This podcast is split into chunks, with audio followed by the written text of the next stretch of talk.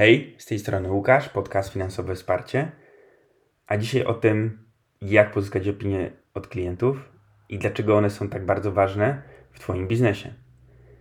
Jeśli kupujesz na Allegro, to na pewno możesz zauważyć, że Allegro czasami nawet kilka razy przypomina o tym, że halo, wystaw ocenę. Tak, kupowałeś tu taki produkt, poprosimy. Oczywiście jest to w ułatwiony sposób podane, to znaczy zostaw chociaż od jednej do pięciu gwiazdek, a jeśli już naprawdę się wysilisz, to będziemy Ci wdzięczni, jeśli tam parę słów jeszcze naskrobiesz i będziemy mieli opis tego produktu. No i Allegro oczywiście, jeśli się zalogujemy, przypomina, czasami też wysyła maile. Jednak jeśli masz jakieś doświadczenie w kupowaniu, to na pewno możesz zauważyć, że praktycznie żaden sprzedawca, znowu mogę się pokusić o taki procent, że 99% sprzedawców nie wysyła takiego przypomnienia o to, aby wystawić opinię.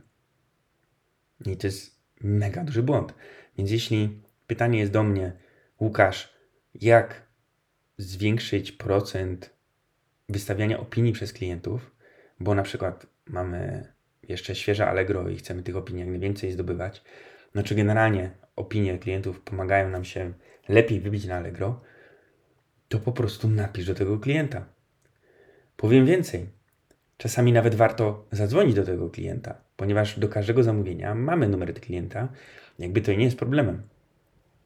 Oczywiście tą rozmowę też warto w odpowiedni sposób poprowadzić, to znaczy nie dzwonimy i halo, pani Halinko, bo pani kupowała u mnie produkt, bardzo proszę zalogować się i tam poproszę opinię.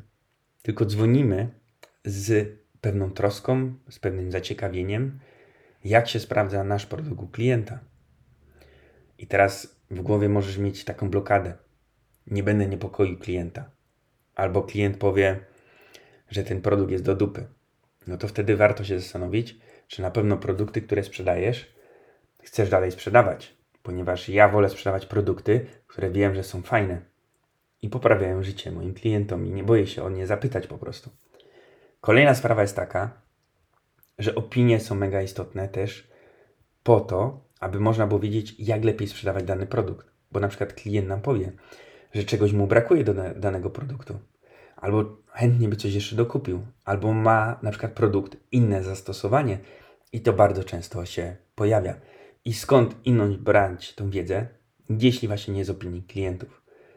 Dlatego czasami, tak, na samym początku zwłaszcza, to jest mozolna może i praca, ale konieczna, czyli dzwonienie do klientów, czasami napisanie SMS-a, czasami napisanie wiadomości. Oczywiście trzeba testować wszystkie opcje, aż w końcu znajdziemy tą najbardziej skuteczną.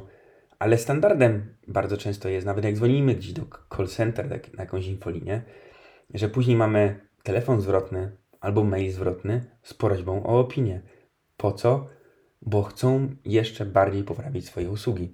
Więc jeśli jeszcze tego nie robisz, jeśli w jakiś sposób jeszcze nie próbujesz skontaktować się z klientem po zakupie, to jest ogromny błąd. Najprostszy sposób dołożenie czegoś do paczki, na przykład z obietnicą rabatu przy następnych zakupach, w zamian za zostawienie opinii od klienta.